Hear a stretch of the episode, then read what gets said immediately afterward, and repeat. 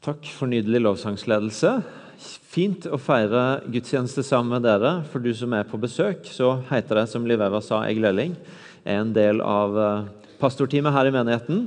Og eh, vi er kommet til det punktet i gudstjenesten hvor vi skal se litt på noe fra Bibelen, fra Guds ord, eh, og, ha en liten undervisning.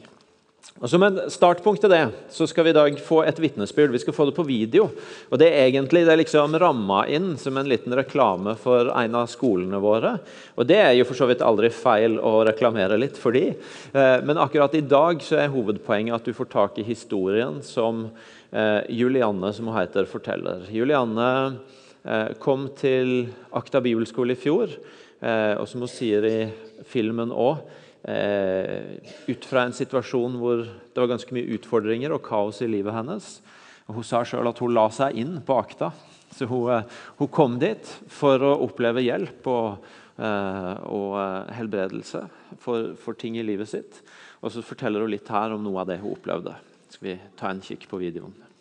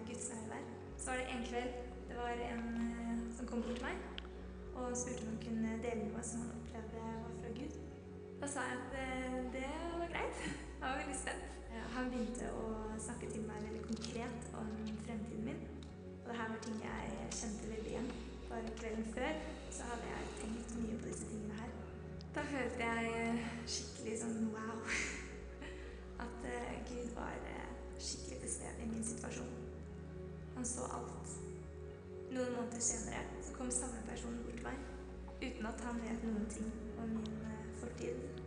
Så setter han ord på ting som omhandler valg eller situasjonen jeg var i. Jeg følte en veldig fred og en veldig bekreftelse på den situasjonen jeg hadde vært i, og de valgene jeg hadde tatt. Jeg har alltid visst at eh, Gud prater, men eh, akkurat der og da, i det kaoset jeg følte jeg hadde inni meg, så var det en helt unik opplevelse å få oppleve Gud snakke så konkret inn i livet mitt. Uh, det å få profetiske ord, det har betydd veldig mye for tro og håp for fremtiden. Før så kunne jeg ikke drømme om fremtiden, men de ordene starta noe i meg. Profeti for meg det var ett ord til rett tid. Ett år på akta har hatt en veldig stor betydning for livet mitt.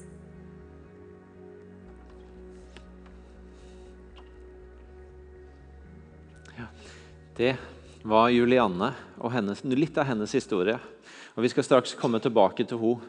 Men i denne tida her, så, eh, Forrige søndag så begynte vi å gå gjennom Daniels bok i Det gamle testamentet av Bibelen.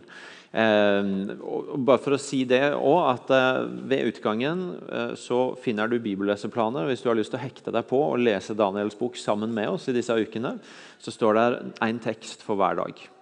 Daniels bok er en fortelling som annet sier mye om identitet. og Martin begynte å tale om det sist søndag. Gå gjerne inn og se den talen. Det er en fortelling som begynner med at Jerusalem og, og Israels folk blir beleira av kongen i Babel, Nebukadnesar. Og så Dan, står det om Daniel og tre venner som opplevde at de på en måte ble tatt inn av kongen. Og så skulle de bli, bli trent, de skulle bli fostra opp til å være noen som kunne være blant einerne i hans hus og ved hans hoff. Gjennom å få spise maten som, som de kongelige spiste, og gjennom å bli trent i visdom og, og ulike ferdigheter som gjorde at, at de skulle bli tatt helt inn i kongens innerste og bli trent opp til å være en av hans menn. Og så hørte vi sist uke om og leser i kapittel 1 om hvordan Daniel har med seg en identitet, en trygghet på hvem han er, som gjør at han faktisk midt i en sånn situasjon hvor det både er press fordi at landet han kommer fra, er okkupert, og samtidig han opplever dette enorme muligheten, privilegiet, å bli tatt helt inn i kongens innerste sirkel. Men så har han en identitet, en trygghet på hvem han er, hvor han kommer fra, som gjør at Daniel midt i det tør å si nei til noen ting. Han tør å være den han er, og stå på den plattformen han står på, og si 'det vil jeg ikke'. Og så, er Det første kapittelet i Daniels bok en spennende fortelling om hvordan Daniel tør å stå for den han er, den identiteten han har, den tryggheten han har i Gud.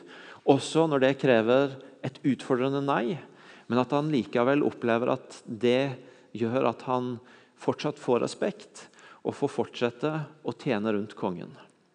Og Så har vi i denne uka lest eh, i de neste kapitlene 2, 3 og 4. Og, og, noe av det som skjer med Daniel når han er der, hvor han tør å være den han er, være tro mot den identiteten han har, det stedet han kommer fra, den troen han bærer, men samtidig ikke moraliserer og holder opp pekefingeren og sier jeg vil, ikke, jeg vil ikke ta i noe av det som har med kongen å gjøre. Jeg vil ikke, jeg vil ikke være på dette huset, for jeg kan ikke bli, bli smitta av disse her. Nei, han, han, han, er der med de som representerer en annen tro, en annen tradisjon, en annen kultur. Men han står for den han er. Og så får han oppleve at når han tør det, så får han i neste omgang ved flere anledninger lov til å være en stemme som snakker inn hos kongen sjøl og som får snakke inn i ting som kongen drømmer og opplever, så blir Daniel stemmen som hjelper kongen til å forstå og fortolke hva som skjer. Og I de neste kapitlene, kapittel 2 og 4, som har vært i bibelleseplanen denne uka, så leser vi nettopp om to sånne situasjoner hvor Daniel får snakke profetisk inn til kongen. Han får høre fra Gud, og så får han gi ord inn til denne kongen. Og eh, Den første situasjonen den kommer i kapittel 2, hvor kong Nebukadnesar har hatt en drøm. Det står i eh, kapittel 2 vers 1 at i det andre året Nebukadnesar var konge, så hadde han drømmer som gjorde han urolig til sinns, så han ikke fikk sove. Kongen har drømt noe, og han blir urolig av det. Han føler at dette her er mer enn en drøm, det betyr noe. Og så, og så vil han finne ut hva det er. Og Så fortsetter kapittel 2 å fortelle om hvordan kongen kaller til seg alle vismenn og drømmetyder. Det, var litt, eh, det var litt mer stuereint på den tida enn nå å kalle seg drømmetyder. og sånne ting. Eh, så han, han kalte til seg alle disse, og så sa han at de måtte hjelpe han å forstå hva dette var. Men så gir han et, et helt umulig premiss, og de prøver å si det til han. Ja, men dette kan du ikke be oss om, for han sier dere må først finne ut hva jeg har drømt, og så må dere tyde drømmen. Da er dere skikkelige vismenn og drømmetydere. Og De prøver å si du, det, det, er en umulig jobb du gir oss. Du må fortelle oss drømmen, så skal vi tyde ham for deg. Og han bare nei, nei. Hvis, um, enten så må dere kunne fortelle drømmen og tyde, eller så sier han faktisk skal jeg ta livet av dere. Klarer dere å gjøre det, så skal dere få all verdens rikdom og posisjon. Klarer dere det ikke, så må alle visdom dø, vismenn dø. Og um, Det ser ganske dårlig ut. Ingen klarer det. Og Det begynner på en måte å gå ut varsel om at uh, vismennene i landet er i fare. Og Så kommer dette ordet til Daniel, som uh, får høre om det og som spør hva er det som skjer egentlig.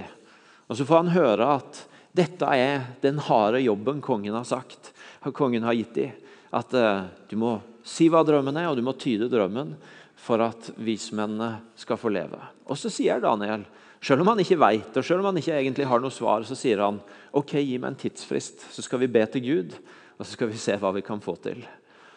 Og så ber han og vennene hans med her, disse her fantastiske navnene, Shadrach, Meshach og Abednego, de ber sammen til Gud. Og Så står det i vers 19.: Da blei mysteriet åpenbart for Daniel i et syn om natten. Daniel får, etter at de har bedt sammen til Gud, så får han åpenbart både hva kongen har drømt, og hva det betyr. Og Han går til kongen, og så sier han, og vi leser ifra vers 27 og 28. Det tror jeg dere får på skjermene også. Daniel tok til orde og svarte kongen. Mysteriet som kongen spør om, kan ingen vismann eller åndemaner, drømmetyder eller tegntyder fortelle kongen. Men det finnes en gud i himmelen som åpenbarer mysterier. Han har kunngjort for kong Nebukadnesar hva som skal skje i de siste dager. Dette er drømmen og de synene du hadde i hodet mens du lå i sengen. Og Så fortsetter Daniel å fortelle hva drømmen var, og hva den betydde. Og akkurat nå så er ikke det viktigste for oss å få tak i det, men i å få tak i det at Daniel han ber til Gud. Og Så opplever han at Gud åpenbarer, og så går han til kongen og så peker han på Gud. Han sier dette kan egentlig ingen vite. Ingen vismenn heller. Men jeg kjenner en Gud som kan åpenbare. Og han har åpenbart for meg hva det er du har drømt, og hva det betyr. Så forteller Daniel det til kongen. Han forteller hva drømmen var, og han forteller tydninga. Og så er det spennende å lese i vers 46 og 47 hva som er kongens respons. Jeg tror dere får det nå på skjermen. Da kasta kong Nebukadnesar seg ned med ansiktet mot jorden og tilba Daniel. Han befalte at de skulle bære fram offer og røkelse for han. Kongen tok til orde og sa til Daniel.: Sannelig, deres Gud er Gud over alle guder og herre over alle konger. Han åpenbarer mysterier, siden du har greid å åpenbare dette mysteriet. Når kongen får høre det David har å si, nemlig at dette kan ingen vite, men Gud har åpenbart det for meg, og så forteller han drømmen som det var, og han gir en tydning som, som resonnerer hos kongen, så er kongens bekjennelse din Gud er Gud. Din Gud fins. Han lever, og han kan virkelig åpenbare. Og Det er noe som jeg har lyst til at vi skal få tak i når vi i denne boka møter ganske sterkt denne dimensjonen med profeti. Med det at Gud taler, gir ord og budskap som treffer inn i et menneskes liv på en sånn måte at det gjør noe med den. Nemlig at det viktigste er kanskje ikke alltid at det ordet sier hva som skal skje i framtida, eller, eller på en måte Ja, den delen. Men kanskje enda viktigere at det viser at Gud er der. At han fins, at han lever, og at han er nær.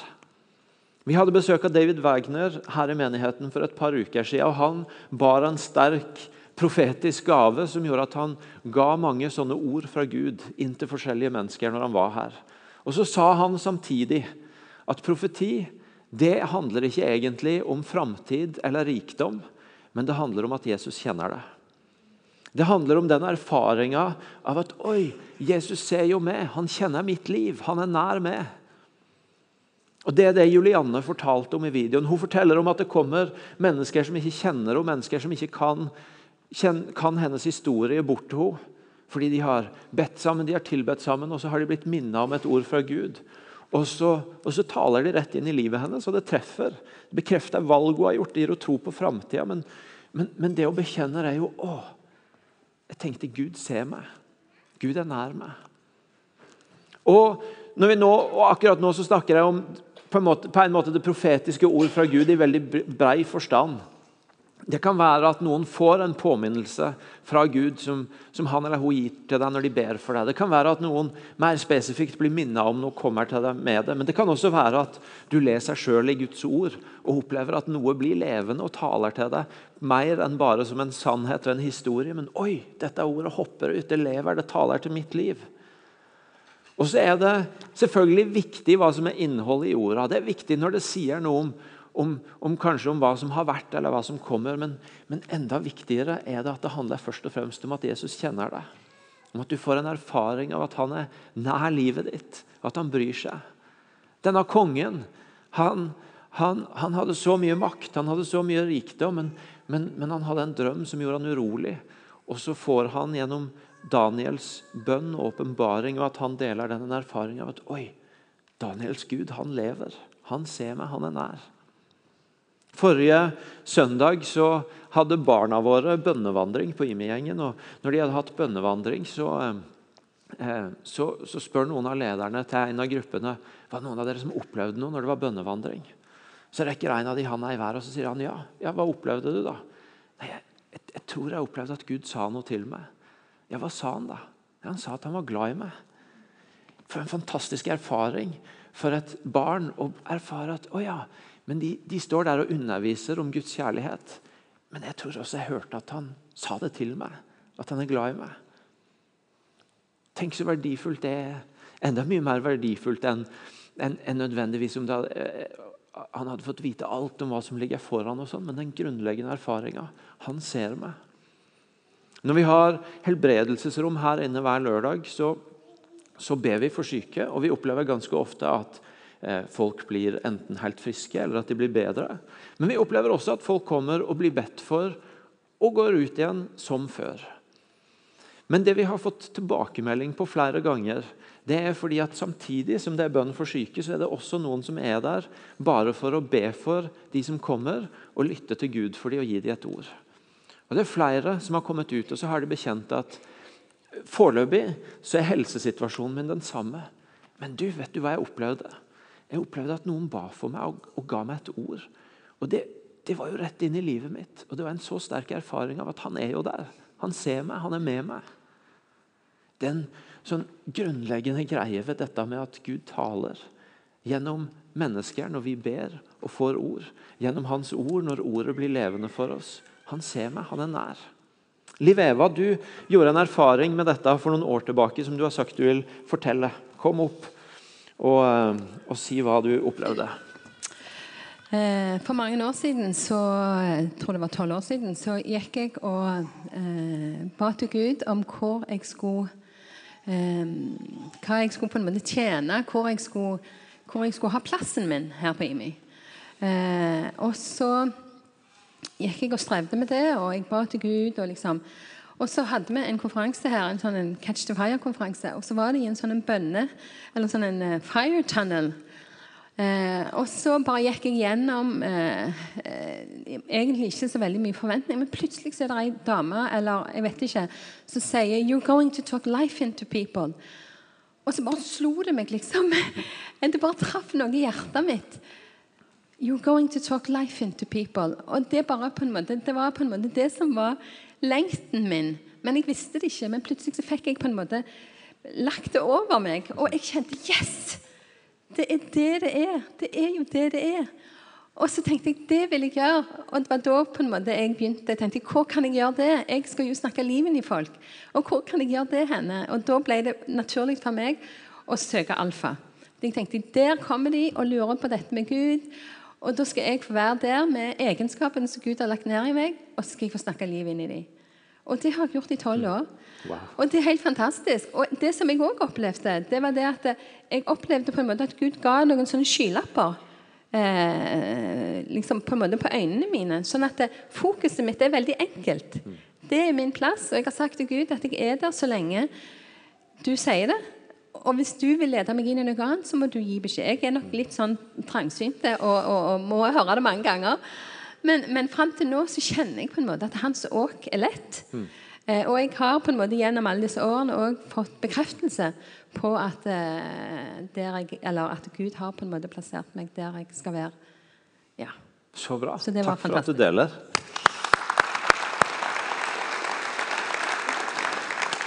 Et ord fra Gud som en erfaring av at å, han ser meg, han kjenner meg, han er der, han lever. Og Så kan det forløse forskjellige ting i livet vårt etter hva som er situasjonen vår. For noen så er det den grunnleggende erfaringen at han fins jo. Jeg kan tro på han. For andre så er det kanskje erfaringa av at han er med meg. Han ser meg i det jeg går igjennom nå. Jeg kan stole på at han er der. For noen så er det retning på livet. Ah, som Liveva. Dette er det jeg skal. Dette er, dette er min hensikt osv. Men grunnleggende han ser meg. Og Det er også min og din mulighet. Når Paulus i 1. Korinterbrev 14 sier 'jag etter det profetiske', jag etter å få være en som kan gi ord fra Gud til andre mennesker, små og store innskytelser når du ber for folk, så er min og din mulighet faktisk det at ved å gi de ordene, ved å våge å gå på det, Enten det er i en forbønnssituasjon her eller i en kristen setting, eller det er å tørre å gå til kollegaen din eller vennen din eller naboen din og si du, jeg har bedt for deg, jeg tror jeg har et ord fra Gud til deg. Så er faktisk muligheten at de kan få erfare Oi, han kjenner meg jo. Han ser meg jo. Det er ikke bare en generell sannhet at, at han fins og at han er glad i folk, men han ser meg. Det muligheten er og du bærer ved å jage etter det profetiske, som Paulus sier at vi skal gjøre, og som når vi leser Daniel, vi igjen blir minnet på at det er en så viktig dimensjon av livet med Jesus. Og så er det jo sånn at eh, Hvis vi går litt videre, at i kapittel 4 så eh, kommer det en ny situasjon hvor Daniel må tale inn i kongens liv. Igjen så har kongen drømt og blitt urolig, og denne gangen så er han villig til å fortelle hva han har drømt. Og så forteller kapittel 4 om hvordan Daniel blir den som må tyde det for kongen. Og Det er et alvorlig budskap han gir, et budskap som forteller at kongen er på vei i feil retning, og det kommer egentlig ikke til å gå så veldig bra med han. Men så er det interessant at det står i kapittel 4, vers 26 og 27, når Daniel er på slutten av det han har sagt så sier han Eh, når det ble sagt at en rotstubb av treet skulle stå igjen, betyr det at riket igjen skal være ditt fra den tid du forstår at himmelen har makten. Derfor, konge, ta imot mitt råd. Riv deg løs fra dine synder med rettferd og fra din skyld med barmhjertighet mot de nødlidende. Så skal din lykke vare lenge. Kongen får et alvorlig ord fra Daniel, et ord som på mange måter kunne gjort han mismodig. fordi det Daniel sier, eh, uten at vi har tatt oss tid til å lese det nå, er at det kommer ikke til å gå deg så godt. Men så lander Daniel i en oppfordring, nemlig du har en mulighet til å vende om, til å sette livet ditt i en annen retning. Til å la dette ordet bli en invitasjon til å sette en ny retning på livet ditt. Og Det er så viktig for oss å få tak i at eh, nå, nå, er akkurat med de to kapitlene vi har vært inne i nå med Daniel, så, så kan vi få et litt skeivt bilde av det med å høre fra Gud og gi ord ut, fordi det er to ganske alvorlige ord. Og Det er ikke nødvendigvis normalen at det alltid er liksom sånne alvorsord. Der står at de er til trøst og oppmuntring og formaning, er de profetiske ordene. Men, men når enten andre mennesker eller Bibelen eller på et eller annet vis vi, et ord fra Gud treffer livet vårt på en sånn måte at det også røsker litt i oss. At det utfordrer oss, at vi, at vi kanskje kjenner oss litt avkledd, eller, eller at Oi, her ble, vi, her ble vi avslørt på et eller annet. Så er det utrolig viktig å få tak i at i Guds rike, når sannheten taler inn på den måten, så har det alltid en, en funksjon. Det har en retning. Du vet når du Noen ganger, i hvert fall når jeg leser kommentarfelta i nettaviser og Facebook, og sånn, så kan du tenke at ja, det er godt å få sagt det, i hvert fall.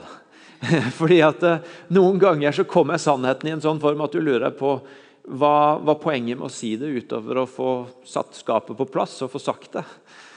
Og, og, Det kan kanskje være sånn noen ganger at vi opplever at sannhet, at de litt sånn utfordrende, tøffe orda, at de mer bidrar til å parkere oss enn til å gi en mulighet. Men sånn er det ikke i Guds rike. For et par uker siden så talte jeg, og da snakka jeg veldig varmt til de av dere som var her da, om, om, et teaterstykke som har gått på Rogaland Teater nå, og går fortsatt noen dager til, som heter 'Fire gravferd og en bryllup'. Et bryllup. Jeg skal ikke dra hele om igjen, men kort fortalt så er det jo et stykke hvor en, en forteller en viktig historie fra livet sitt om det å vokse opp med narkomane foreldre. Og Han forteller en utrolig smertefull historie om alt fra å bli lagt inn fra fødselen på avrusning, fra heroinavhengighet, til smerten i at mor og far ikke egentlig bryr seg om å være mor og far for han, enten fordi de velger rusen foran han, eller fordi de velger muligheten til å skape en ny framtid eh, i stedet for å, å, være far for han. Og Så kommer stykket på slutten til et sånn vippepunkt. Hvor skal dette lande? Er det bare et oppgjør med det som har vært, eller er det noe mer? Og så begynner han som har stykket og som forteller sin historie, å snakke om hvordan bitterheten ikke må få spise han opp innenfra. Og så lander hele stykket i en utrolig sterk scene hvor han står og sier Jeg tilgir deg, mamma, for. Jeg tilgir deg, pappa, for. Han har talt sannhet, og så lander han samtidig i nåde. Og Når Johannes-evangeliet skal beskrive Jesus og hvordan Jesus kom for å gjøre Gud synlig for oss, så står det i Johannes 1, 14. Ordet blei menneske og tok bolig iblant oss, og vi så hans herlighet. En herlighet som den enbårne sønn har fra sin far, full av nåde og sannhet.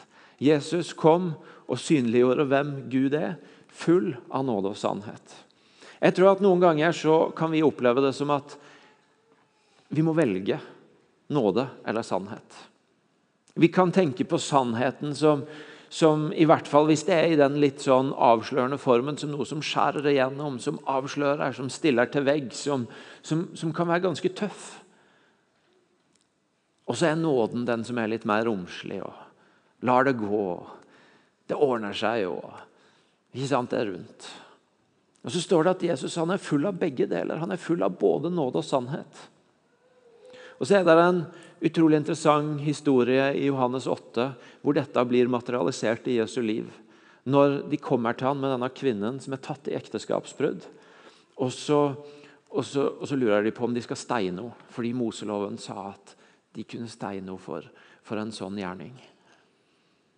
Og Så prøver de å få Jesus til å velge. nettopp til å gjøre det. Velg Jesus. Velg mellom sannhet eller nåde. Velg mellom å holde fast på rett og galt og hva loven sier om dette, eller nåde og la henne gå. Og så er Jesus så utrolig klok som han alltid er, så han godtar ikke det premisset. Han godtar ikke at han må velge. Men han gir dette her underfundige svaret. Den av dere som er uten skyld, kan kaste den første steinen. Og Så går de bort én etter én. Og så kikker han opp og ser at alle er gått, og så sier han heller ikke jeg fordømmer deg. Gå bort og synd ikke mer. Her er en utrolig viktig ting å få tak i om Guds rike. I Guds rike, med Jesus som den som har kommet full av nåde og sannhet, så har sannheten fått en retning, og det er frihet. I Guds rike så har sannhet en retning, og det er frihet. Og Det betyr at budskap også som utfordrer og konfronterer og kanskje oppleves som at Oi, her, her dette, dette tok meg. Så har det en retning. Og det er at det ligger en invitasjon der til at du kan få tre ut av det og inn i frihet. Når Daniel gir kongen et alvorlig budskap, så lander han det med du har en mulighet til å vende om. Du har en mulighet til å ta en annen retning med livet ditt. Dette er din mulighet til å se at noe av det du nå gjør, ikke er så klokt. Og så kan du velge annerledes. Og Det er også sånn Jesus taler inn i våre liv. De gangene hvor vi opplever at sannheten treffer oss, og at det er ting i mitt liv som blir, som blir avslørt, som blir konfrontert, som blir utfordra, som stiller meg på valg, så kan vi alltid vite at Jesus, full av nåde og sannhet, han taler til oss sånn fordi han har et ønske om å hjelpe oss til frihet.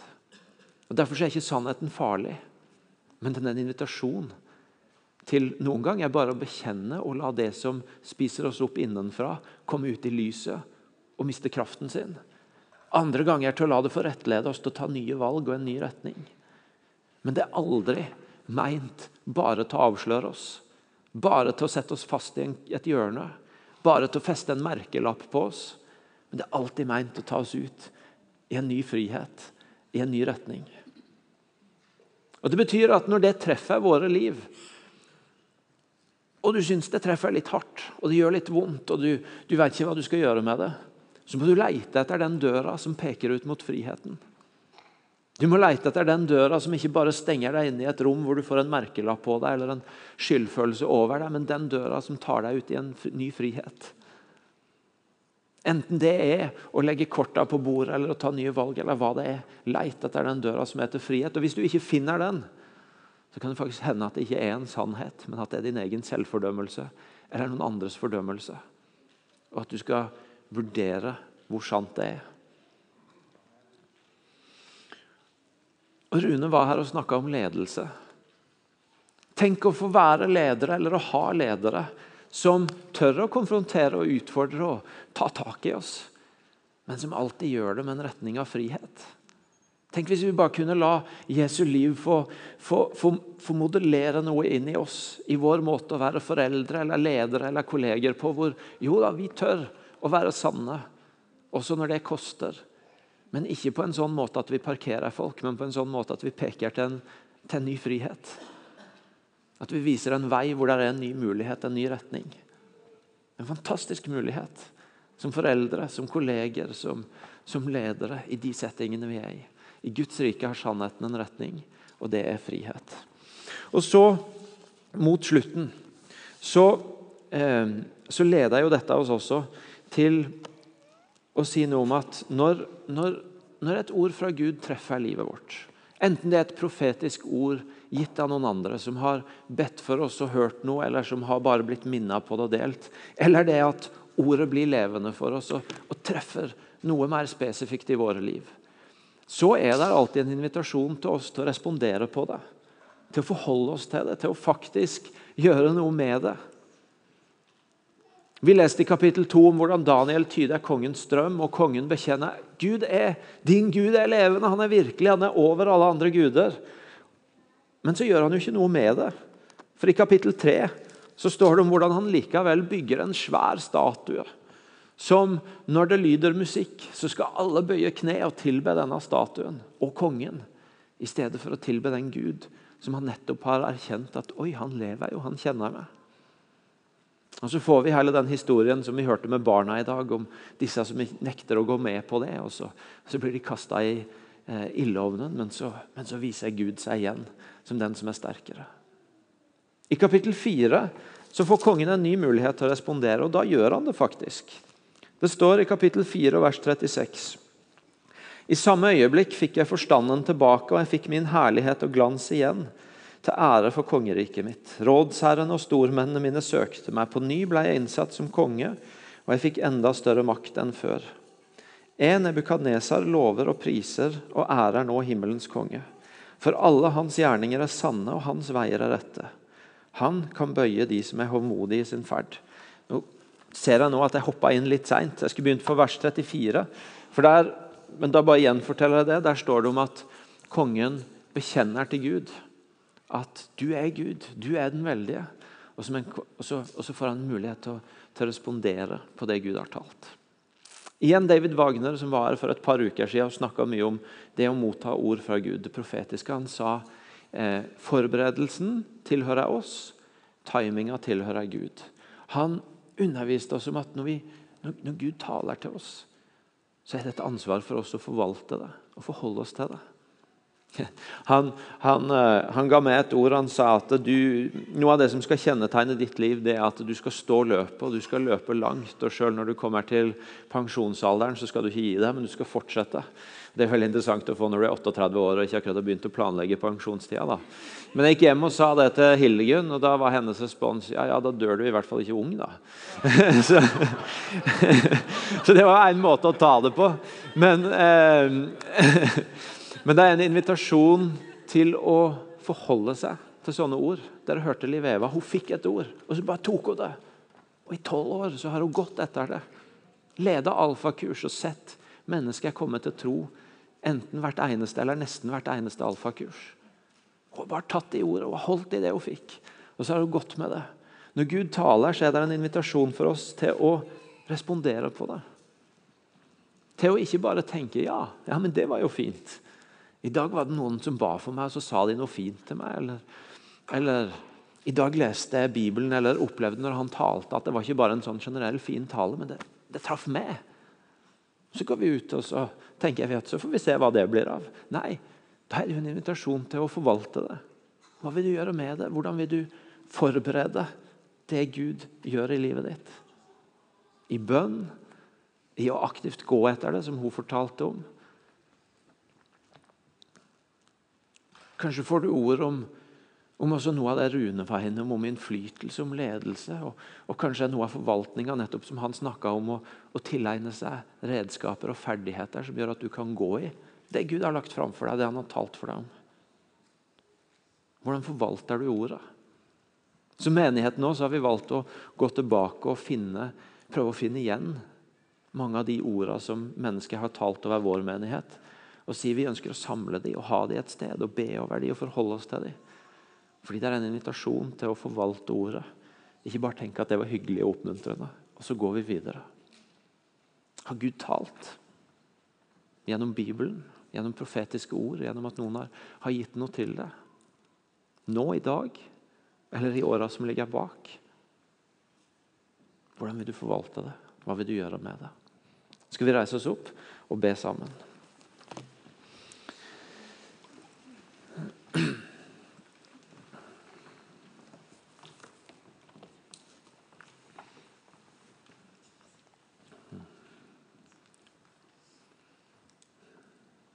Jesus, takk for at du kjenner oss.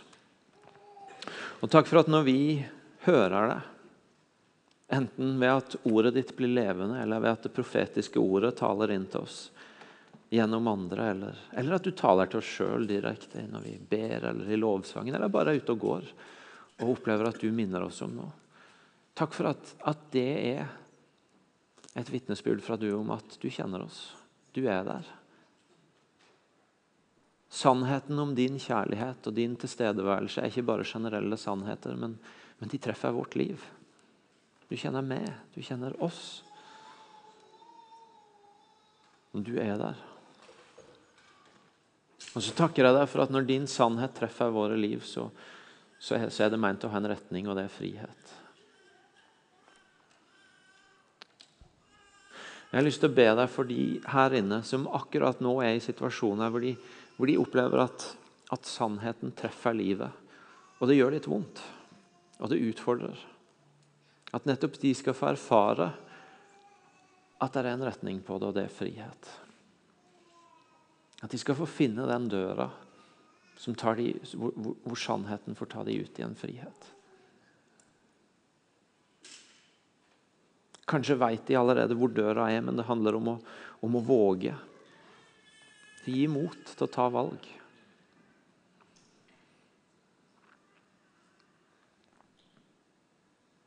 Og så ber jeg deg for de som kjemper med tøffe sannheter akkurat nå, som egentlig ikke er sannheter, men som er egen selvfordømmelse eller andres fordømmelse.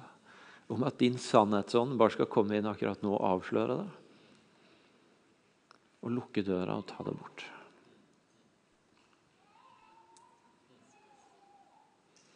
Så ber jeg deg om at du i denne tida minner oss alle om ord som har kommet til våre liv.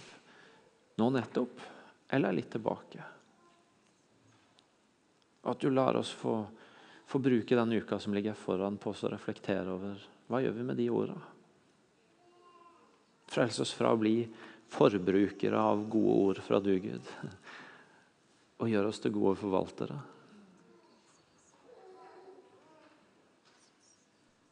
Gjør oss til gode forvaltere av ditt ord.